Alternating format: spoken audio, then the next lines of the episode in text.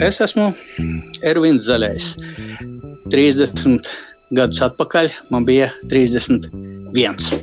Es tajā laikā strādāju Rīgas rajona milicijas nodaļā. Tad vēl bija milicija. Ervīns barikādēs piedalījās kā kārtības nodrošinātājs. Svētdienas 20. janvāra vakarā saņēma izsaukumu, ka jāierodas darbā.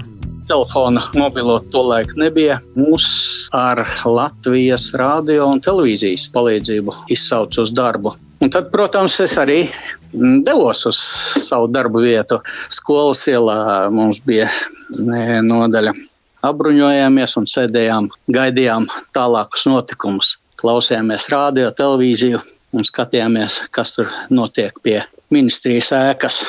Ervīna brālis Renārs Zaļais tolaik strādāja Bauskas milicijā, bet skatoties kadrus no iekšlietu ministrijas, Ervīnam nebija nejausmas, ka apšaudītajā ēkā atrodas arī Renārs.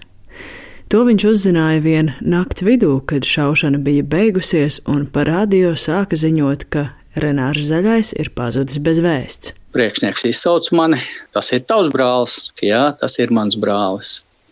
Nu, un, kad gaišāks palika, vēl ar vienu nevarēja atrast viņu.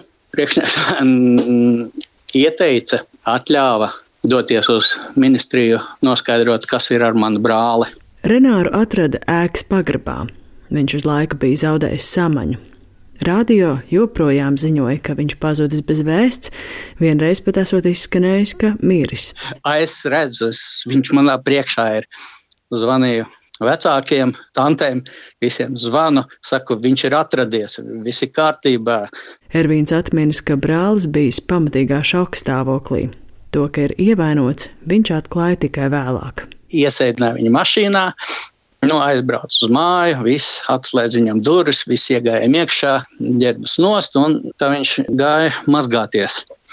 Novilka tur svīters, bija formas krekls, maika. Pēkšņi skatāmies, opā, viņam uz puņķa tāda forša strīpa, tāda asiņaina. Skatos, kas vēl, opā, maika caurums, krekls caurums, paņem to džemperi un hlabis kaut kas nokrīt nost. Skatos, oi, a, tur ir lode. Ot, un tā, tā es to lodi atradu. Ervīna brālis Renārs šo stāstu ilgus gadus nemaz nesot atcerējies, jo pēc apšaudas bija šokā. Tagad lode atrodas viņa mājās, un barikāžu 30. gada dienā Renārs pieļauj, ka nodos to barikāžu muzejam. Lodes skarto brūci vēderā nācās sašūt slimnīcā, bet Ervīns pieļauja, ka lode brāli bija skārusi ar atsitienu. Paldies Dievam, tas, ka ziemas laikā bija daudz apģērba. Un ar atsitienu viņu vienkārši zaudēja to spēku un vienkārši palika viņā. Jo, ja tas būtu vasarā bijis, mm, drēbes nebūtu palīdzējušas tas tika viss noslēpēts, un tā viņa tika nesāta līdzi līdz tam brīdim, kamēr viņu novilka nost, un viņa vienkārši izkrita laukā. Labi, ka ne no viņa, bet no apģērba. Tas tas stāsts par to lodi.